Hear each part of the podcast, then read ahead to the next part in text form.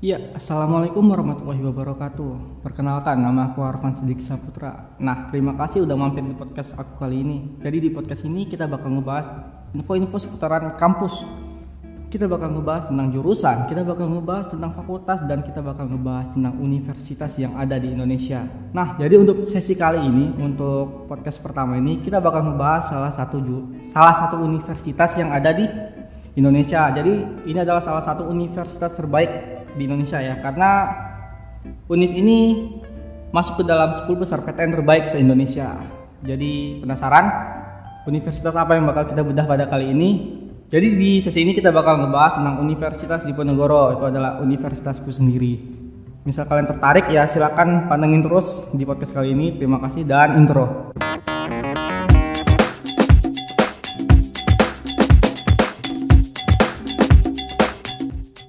Oke, perkenalkan kembali. Namaku Harvan Sidik Saputra, mahasiswa Universitas Diponegoro angkatan 2018. Sekarang berkuliah di Fakultas Perikanan dan Kelautan, jurusan Perikanan Tangkal. Jadi di sini aku nggak sendiri. Aku di sini ditemani oleh salah satu mahasiswa Universitas Diponegoro juga. Jadi beliau mahasiswa di Fakultas Teknik, jurusan Teknik Mesin. Jadi kita sapa aja ya. Halo, selamat malam untuk Muhammad Dafa Maulana. Ya, halo Arfan, selamat malam juga. Oke, terima kasih Dafa udah mau jadi teman aku buat nyampain universitas kita ini. Jadi langsung aja ya. Universitas Diponegoro atau biasa disingkat dengan Undip ya. Ini adalah salah satu univ yang ada di Semarang. Jadi untuk Undip ini sendiri termasuk ke dalam 10 PTN terbaik se Indonesia dan pada tahun 2019 kemarin berdasarkan riset dari Kemenristek Dikti, Undip masuk ke dalam peringkat ke-6 perguruan tinggi terbaik di Indonesia. Nah, lanjut.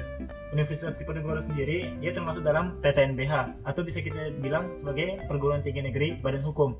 Apa yang dimaksud dengan PTNBH atau Perguruan Tinggi Negeri Badan Hukum?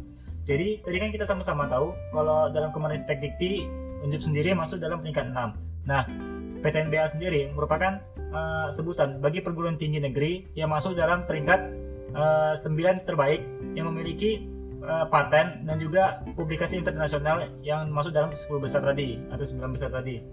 Oh yang menambahkan juga kalau PTNBH itu ada kewenangan sendiri daripada perguruan tinggi negeri khususnya Undip untuk membuka dan menutup eh, prodi atau jurusannya di jurusannya di sana gitu.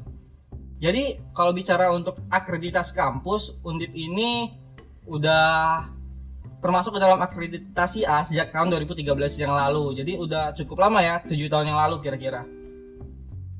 Oh yang menambahkan lagi, tadi kan udah disebut eh, sama Harpan kalau Undip sendiri termasuk akreditasi institu- institusi yaitu A. Nah, untuk PTNBH sendiri memiliki persyaratan tertentu yaitu akreditasi institusi A. Jadi makanya Undip udah bisa masuk ke dalam PTNBH pada sejak tahun 2016. Lanjut, eh, sama-sama kita tahu bahwa beberapa program studi di Universitas Diponegoro masuk dalam terakreditasi internasional gitu.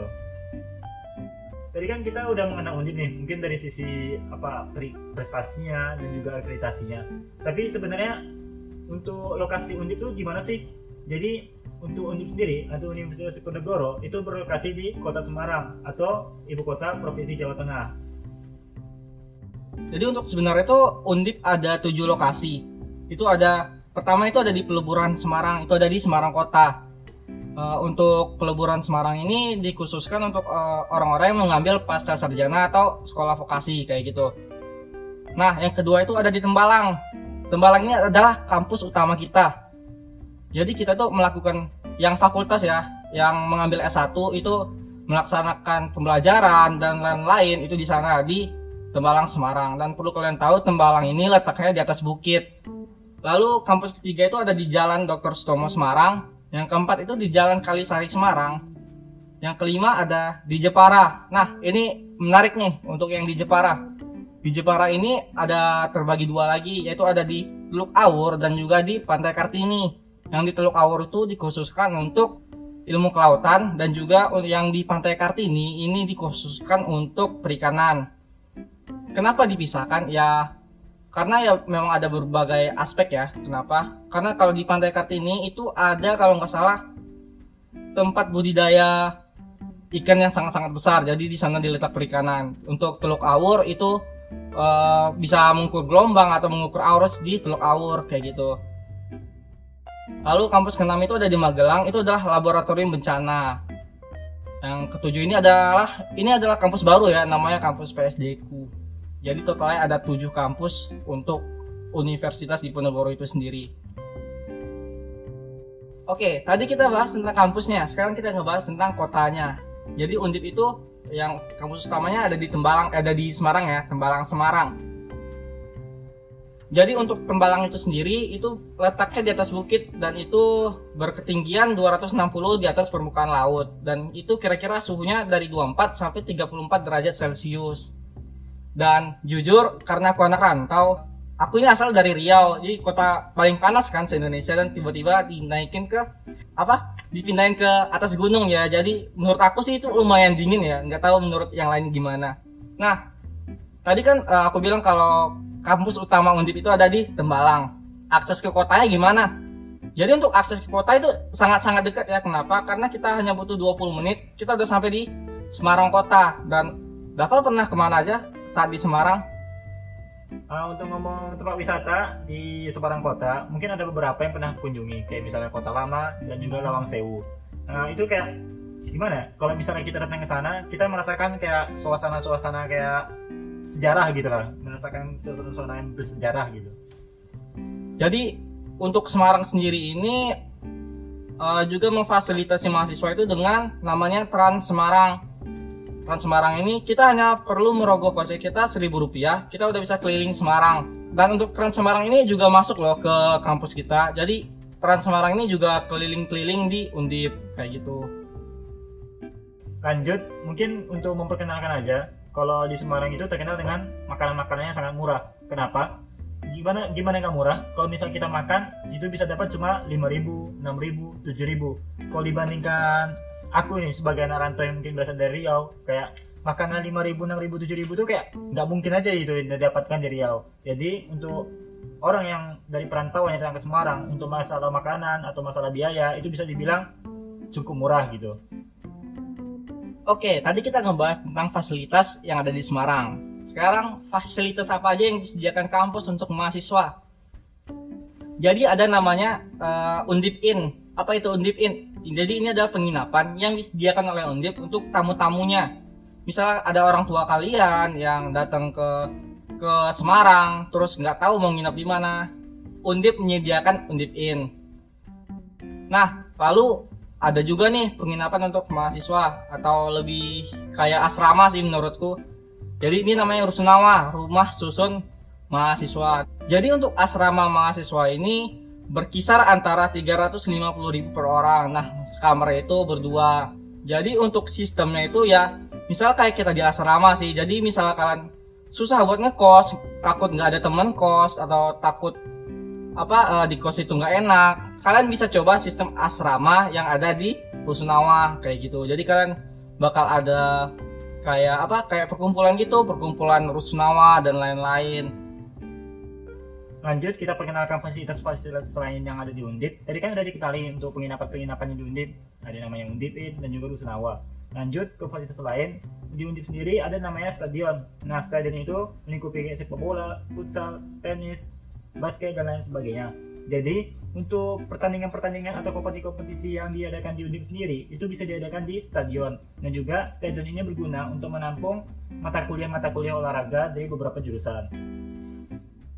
Oke, fasilitas yang selanjutnya itu ada Rumah Sakit Nasional di Ponorogo. Jadi ini adalah rumah sakit yang dimiliki oleh Undip itu sendiri jadi ini misalnya kalian ada yang berminat di FK atau Fakultas Kedokteran Undip, kalian udah disediakan rumah sakit sendiri oleh uh, kampus. Jadi kalian nggak perlu pergi ke rumah sakit lain buat praktikum atau buat penelitian. Kalian udah ada rumah sakit sendiri yang disediakan oleh Undip kayak gitu. Jadi rumah sakit nasional di ini juga letaknya nggak jauh ya, karena untuk letaknya itu ada di dalam kampus kita. Jadi misalnya kita sakit nih, ya kita bisa lari ke rumah sakit nasional di Ponorogo kayak gitu lalu fasilitas yang lain tuh ada waduk pendidikan universitas di Ponorogo jadi untuk waduk ini dikhususkan atau uh, banyak digunakan oleh anak-anak FPK atau Fakultas Perikanan dan Ilmu Kelautan. Nah, untuk sore hari, Waduk ini salah satu destinasi jog, tempat jogging ya, selain stadion sepak bola. Jadi misalnya sore hari itu bakal banyak banget orang-orang yang datang ke Waduk untuk jogging atau menikmati lah keindahan dari waduk itu sendiri. Dan juga di waduk ini kita bisa memancing ikan loh. Nah untuk sumber daya itu sendiri kami dari FPIK itu selalu tiap tahun menyebarkan benih di sana. Jadi untuk ikannya gak bakal habis-habis. Jadi lanjut ke fasilitas lain yang ada di Undip, ada namanya laboratorium terpadu. Jadi Undip sudah menyediakan laboratorium terpadu untuk mendukung riset-riset yang ada di Undip gitu. Berarti alat-alat riset, alat-alat laboratorium di laboratorium terpadu ini sangat-sangat lengkap ya berarti? Ya pasti. Soalnya untuk riset sendiri kan itu menampung beberapa jurusan kan. Apalagi teknik, ada teknik ada 12 ada 12 jurusan, itu mungkin itu menjadikan bahwa laboratorium terpadu itu harus memiliki alat-alat yang lengkap. Oke oke. Nah, fasilitas yang terakhir nih, ada namanya training center dan juga radio Pro Alma. Untuk training center ini dikhususkan bagi mahasiswa yang udah tua atau yang mau lulus buat siap di dunia kerja nanti kayak gimana. Jadi di training center ini kita lebih melatih mahasiswa untuk terampil di dunia kerja nanti. Lanjut, unit sendiri ada beberapa fasilitas bagi mahasiswa yang ingin uh, menunjang kegiatan-kegiatannya. Atau kalau kita di sekolah dulu itu namanya eskul, tapi kalau di di universitas sendiri itu namanya unit kegiatan mahasiswa atau disingkat dengan UKM. Di unit sendiri ada 42 unit kegiatan mahasiswa yang sudah mendapatkan reputasi nasional dan internasional dalam berbagai kejuaraan seperti misalnya UKM Paduan Suara, unit kegiatan selam air, teater di Ponorogo, unit di Beteng Forum, dan lain sebagainya. Nah, untuk informasi juga nih, untuk UKM Paduan Suara ini juga udah terkenal di luar negeri ya. Kenapa? karena pada waktu 2018 atau 2017 aku lupa UKM Paduan Suara Undip ini mendapatkan mendapatkan juara di Italia Eropa. Mau ngasih tahu juga kalau Undip sendiri pada timnas 2019 Undip masuk ke juara 3 nasional. Oh ya untuk ngomong-ngomongin UKM, Harvan ikut ya UKM yang ada di Undip? Oke, aku kebetulan ikut ke dalam UKM Taekwondo jadi untuk UKM Taekwondo di Undip ini udah sangat ternama ya di Jawa Tengah. Kenapa? Karena pada Pekan Olahraga Mahasiswa kemarin, UKM Taekwondo Undip ini mewakilkan Semarang pada POM Jateng kemarin. Jadi ya lumayan sangat-sangat ternama lah untuk UKM Taekwondo di Undip ya. Nah, ini nih yang mungkin paling seru untuk dibahas, yaitu adanya fakultas dan juga jurusan. Di Undip sendiri itu memiliki 11 fakultas dan juga dua sekolah.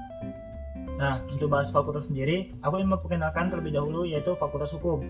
Fakultas Hukum dia memiliki satu program studi sarjana yaitu prodi hukum di mana prodi hukum sendiri dia termasuk ada namanya IUP atau kelas internasional dan juga untuk yang masih bingung nih untuk masuk fakultas hukum kira-kira setelah lulus mau ngapain gitu yang pertama ada kemungkinan untuk sebagai alumni fakultas hukum itu untuk menjadi hakim jaksa advokat in-house lawyer, legal drafter, kontrak drafter, dan juga birokrat.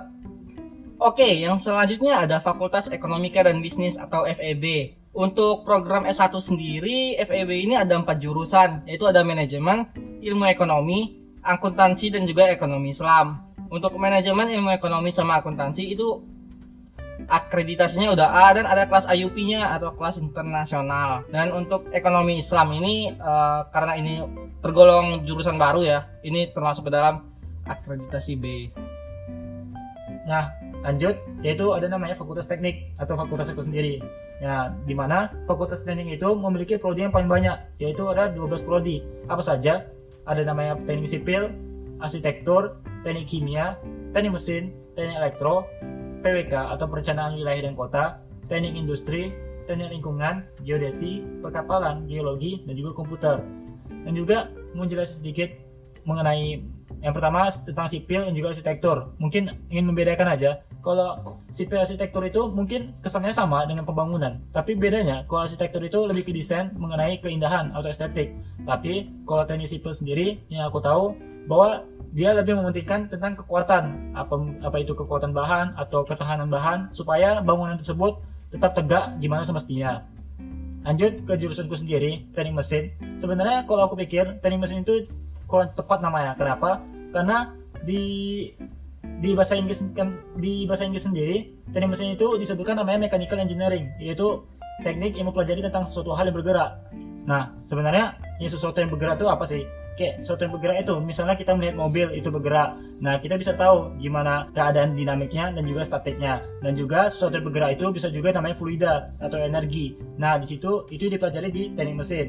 Dan juga untuk mempelajari mesin sendiri sebenarnya kami lebih ke konstruksi dan juga materialnya untuk mengetahui apakah uh, mesin tersebut dapat digunakan dengan material material tertentu dan atas atas pertimbangan kekuatan dari mesin tersebut dan juga prodi di Fakultas Teknik sendiri itu rata-rata sudah A dan juga teknik kimia sudah memiliki kelas internasional. Namun ada juga beberapa jurusan yang masih akreditasi B yaitu teknik geologi dan juga teknik komputer.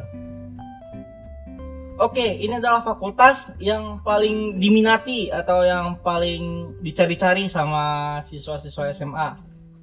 Ini adalah fakultas kedokteran, fakultas yang paling bergengsi.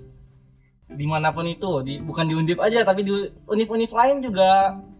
Fakultas kedokteran itu salah satu yang mempunyai apa ya integritas tinggi nggak sih kalau nggak salah.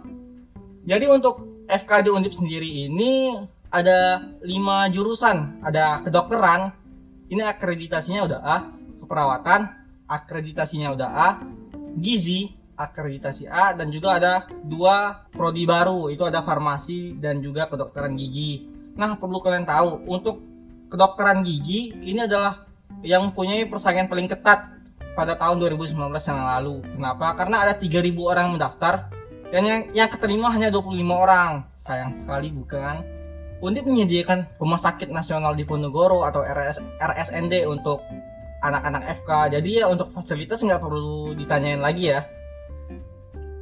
Uh, lanjut ke namanya Fakultas Ilmu Budaya atau disingkatnya FIB. Nah, di FIB sendiri dia memiliki pro beberapa prodi sarjana seperti misalnya sejarah, sastra Indonesia, sastra Inggris, ilmu pustaka, antropologi sosial, bahasa, dan kebudayaan Jepang. Jadi ini cocok kali nih bagi mahasiswa apa calon-calon mahasiswa yang ingin menjadi apa sastrawan atau suka tentang bahasa dan juga kebudayaan-kebudayaan seperti kebudayaan Jepang itu cocok kali masuk ke FIB atau Fakultas Ilmu Budaya dan juga untuk akreditasi sendiri untuk sejarah sastra Indonesia, sastra Inggris dan ilmu pustaka itu akreditasinya sudah A.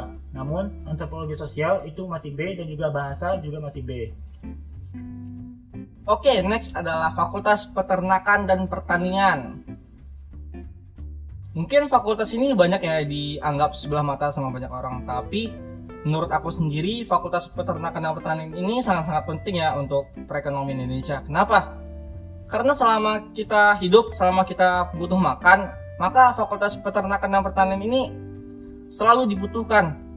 Jadi misalnya FPP ini nggak ada, maka kalian susah bakal susah buat dapetin daging, beras dan lain-lain. Jadi aku cuma mau bilang jangan anggap sebelah mata fakultas-fakultas lain aja sih menurut aku.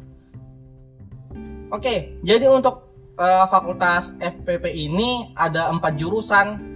Itu ada peternakan, yaitu ada peternakan, teknologi pangan, agribisnis dan juga agroekoteknologi. Untuk akreditasinya peternakan, teknologi pangan dan agribisnis ini sudah A, tetapi untuk agroekoteknologi ini masih B. Nah, perlu kalian tahu juga untuk FPP Undip ini menyediakan banyak fasilitas ya. Kenapa? Karena kampus FPP ini salah satu kampus terbesar ya di Undip karena e, mahasiswa itu disediakan ladang, disediakan kandang. Di kandang di Undip itu ada tiga kalau nggak salah. Eh ada empat deh kandang ayam, kandang sapi, kandang kambing, dan juga kandang rusa. Iya benar, rusa, rusa yang bertanduk itu. Nah, gimana? Untuk fasilitas sangat-sangat memadai kan untuk FPP, jadi kenapa nggak ikut ke sana? Lanjut ke Fakultas Kesehatan Masyarakat. Nah, Fakultas Kesehatan Masyarakat dia memiliki satu prodi uh, sarjana yaitu Kesehatan Masyarakat. Nah, untuk akreditasi sendiri dia sudah A dan juga untuk profil lulusan dari Fakultas Kesehatan Masyarakat itu bisa menjadi manajer, inovator, role model, komunitarian, leader, dan juga edukator. Dan juga aku mau ngasih tahu juga sebenarnya apa sih beda fakultas kesehatan masyarakat dan juga fakultas kedokteran antara dua fakultas tersebut dia sama-sama menyangkut tentang kesehatan namun mungkin pengaplikasinya berbeda. Kenapa? Kalau fakultas kesehatan masyarakat ini dia selalu memastikan bahwa gimana masyarakat itu selalu sehat. Akan tetapi untuk fakultas kedokteran itu seperti halnya orang sakit itu datangnya ke orang-orang fakultas kedokteran. Tapi untuk fakultas kesehatan masyarakat tadi kan aku bilang untuk memastikan orang-orang sehat. Dan juga untuk memastikan gimana kondisi lingkungan itu supaya tetap, tetap baik sehingga masyarakat-masyarakat di dalamnya itu dapat menjalani hidupnya dengan baik. Oke, next adalah fakultas eh, bagi kalian yang mau masuk ke pemerintahan atau mau berpolitik. Undip menyediakan namanya Fakultas Ilmu Sosial dan Ilmu Politik atau disingkat menjadi FISIP. FISIP ini sendiri terkenal di Undip sebagai kampus orange ya. Kenapa? Karena gedungnya itu orange semua. Untuk program studi sarjana di FISIP ini ada lima, yaitu ada administrasi publik, administrasi bisnis, ilmu komunikasi, ilmu pemerintahan, dan juga hubungan internasional. Dan untuk akreditasi semuanya itu udah A. Fakultas ini sangat cocok buat kalian yang mau berpolitik atau kalian ingin bekerja di pemerintahan kayak gitu. Nah, lanjut ke Fakultas Sains dan Matematika atau disebutnya dengan FSM. Nah, untuk FSM sendiri kalau di kampus lain itu biasanya disebut dengan FMIPA atau Fakultas Matematika dan IPA. Untuk FSM sendiri dia memiliki beberapa program sejana yaitu antara lain matematika, biologi, kimia, bioteknologi, fisika, informatika, dan juga statistika. Untuk akreditasi sendiri itu matematika, biologi, kimia, fisika, dan statistika udah A, sedangkan informatika dia masih B. Dan juga khusus untuk bioteknologi itu merupakan jurusan baru, sehingga untuk akreditasi sendiri masih belum ditentukan untuk bioteknologi. Sebenarnya ada juga, ini kan juga belajar matematika, kimia, dan juga fisika. Sebenarnya apa sih bedanya dengan fakultas teknik? Sebenarnya kalau fakultas sains dan matematika itu lebih ke ilmu murni, yaitu gimana kita mengembangkan teori-teori yang sudah ada dan juga gimana caranya teori-teori sudah ada itu dapat dikembangkan lebih lanjut sehingga dapat diterapkan oleh orang-orang teknik. Tadi kan aku bilang kalau yang menerapkan itu orang-orang teknik. Dengan kata lain, bahwa fakultas teknik itu lebih ke penerapannya. Dari ilmu yang ada di fakultas sains matematika, orang-orang teknik menggunakan ilmunya untuk diterapkan ke ke penerapan di kehidupan sehari-hari. Itu sih bedanya. Oke, lalu ada Fakultas Perikanan dan Ilmu Kelautan atau disingkat menjadi FPIK. Ini adalah fakultas aku sendiri ya. Jadi di FPIK ini ada 6 jurusan program sarjana. Yang pertama adalah aquaculture atau budidaya perairan. Jadi di sini kita belajar gimana cara untuk membudidayakan ikan. Mau itu di sungai, mau itu di darat, atau mau itu di laut ya kita mempelajari di aquaculture atau budidaya perairan. Lalu program studi selanjutnya adalah manajemen sumber daya perairan atau sumber daya akuatik. Jadi di program studi ini kita ngebahas tentang bagaimana suatu perairan itu bisa di, manajemen dan meningkatkannya menjadi lebih baik. Contohnya, e, mungkin kalian tahu hutan mangrove ya.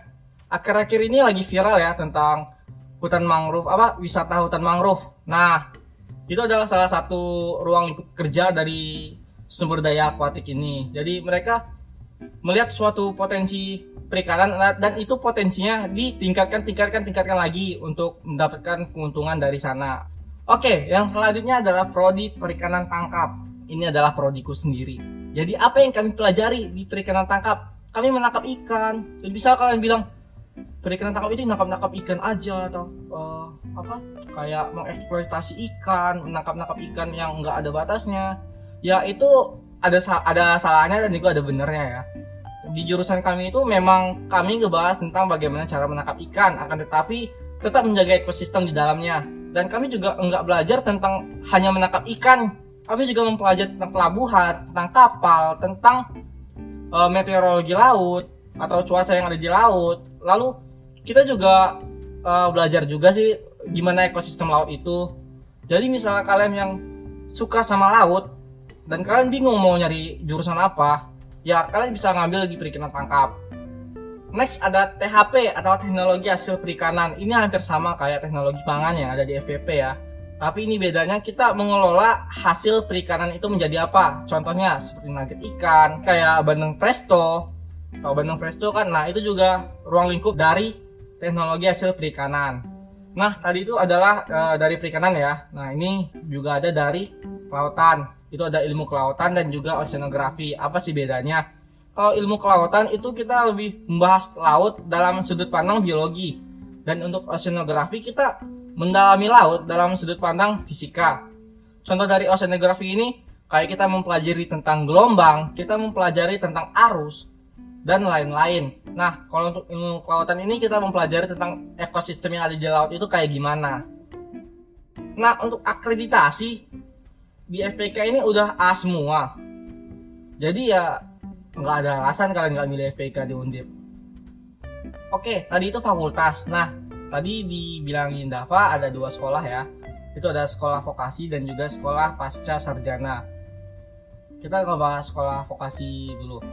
Untuk sekolah vokasi itu ada 21 jurusan yang ada di Undip. Itu ada teknik kimia, teknik elektro, teknik mesin, teknik perkapalan, instrumentasi dan elektronika, teknik sipil, teknik arsitektur, teknik perencanaan wilayah dan kota, manajemen usaha peternakan, akuntansi, manajemen perusahaan, perpajakan, hubungan masyarakat, pertanahan, keuangan daerah, pemasaran, administrasi perkantoran, bahasa Inggris, bahasa Jepang, kearsipan, dan juga perpustakaan dan informasi. Nah, untuk sekolah pasca sarjana ini adalah untuk orang-orang yang pengen ngambil S2 yang ada di Undip. Ini terlalu banyaknya. Mungkin kalian bisa akses di undip.um. Di sana informasinya sangat lengkap. Jadi misalnya kalian mau tahu sekolah pasca sarjana yang disediakan Undip itu apa-apa aja, bisa dicek di sana ya. Nah, itu adalah fakultas dan sekolah yang ada di Undip. Sangat-sangat banyak ya. Kalian bisa milih mau di fakultas apa, mau di jurusan apa, atau mau masuk sekolah vokasi atau sekolah pasca sarjana. Nah, aku mau ngebahas tentang beasiswa yang ada di Undip. Untuk Kemenristek Dikti ini telah memberikan mandat terkait jumlah mahasiswa dari kalangan kurang mampu sebanyak 20%. Akan tetapi Undip ini bandel Udip ini telah berkomitmen meningkatkan target tersebut sampai menjadi 30%, malah dinaikin loh. Nah, untuk jumlah dana pada tahun 2019 yang lalu itu Undip uh, mengeluarkan dana ya kecil sih, kira-kira 74 miliar untuk 7.000 mahasiswa. Sangat-sangat gede itu loh. Nah, uh, beasiswa apa aja yang ada di Undip? Ini aku cuma nyebutin beberapa ya. Contohnya itu kayak Jarum, itu ada gedungnya sendiri loh di Undip lalu ada uh, eh, BCA ada KSE ada Bank Indonesia Semen Tiga Roda Jaya Bank Maya Pada Dompet Duafa dan lain Oh ya, tadi kan sudah disebutkan kalau beasiswa di Undip itu banyak gitu kan. Jadi untuk teman-teman nih yang mau kuliah di Undip, itu seharusnya jangan usah bingung lagi karena Undip sendiri apalagi di tahun 2019 sudah menyediakan sampai 74 miliar untuk 7.000 mahasiswa. Namun sama-sama kita tahu bahwa dari pihak beasiswa sendiri dia menginginkan mahasiswa yang benar-benar uh, benar-benar membutuhkan dan juga benar-benar ingin mendapatkan beasiswa tersebut. Kenapa? Jadi untuk beberapa untuk beberapa beasiswa itu menginginkan mahasiswa yang ingin kontribusi lebih ke tempat beasiswanya, kayak misalnya mengikuti pelatihan di tempat mengikuti pelatihan di beasiswa tersebut sehingga dapat membentuk teman-teman menjadi karakter-karakter yang siap untuk berkomitmen dalam negeri. Dan juga untuk setiap beasiswa itu memiliki persyaratan sendiri. Kayak misalnya nilai IP dan juga uh, ada persyaratan-persyaratan lain kayak misalnya esai, motivation letter dan juga lain sebagainya. Jadi untuk teman-teman yang ingin mendapatkan beasiswa itu memiliki syarat tertentu dan juga komitmen tertentu. Jadi untuk itu bagi teman-teman untuk mempersiapkan diri untuk mendapatkan beasiswa tersebut baik dari IP dan juga karakter teman-teman. Oke, mungkin hanya segitu yang bisa kami sampaikan ya. Mungkin hanya segitu hal-hal seputar undip yang bisa kami sampaikan. Terima kasih untuk kalian yang mendengarkan. Dan juga terima kasih untuk Dava udah mau ngebantuin aku ngebacain hal-hal menarik tentang undip. Dan untuk kalian semua, semoga tetap sehat ya. Walaupun sekarang lagi di masa pandemi ya kita harus tetap semangat dan juga jaga kesehatan kalian.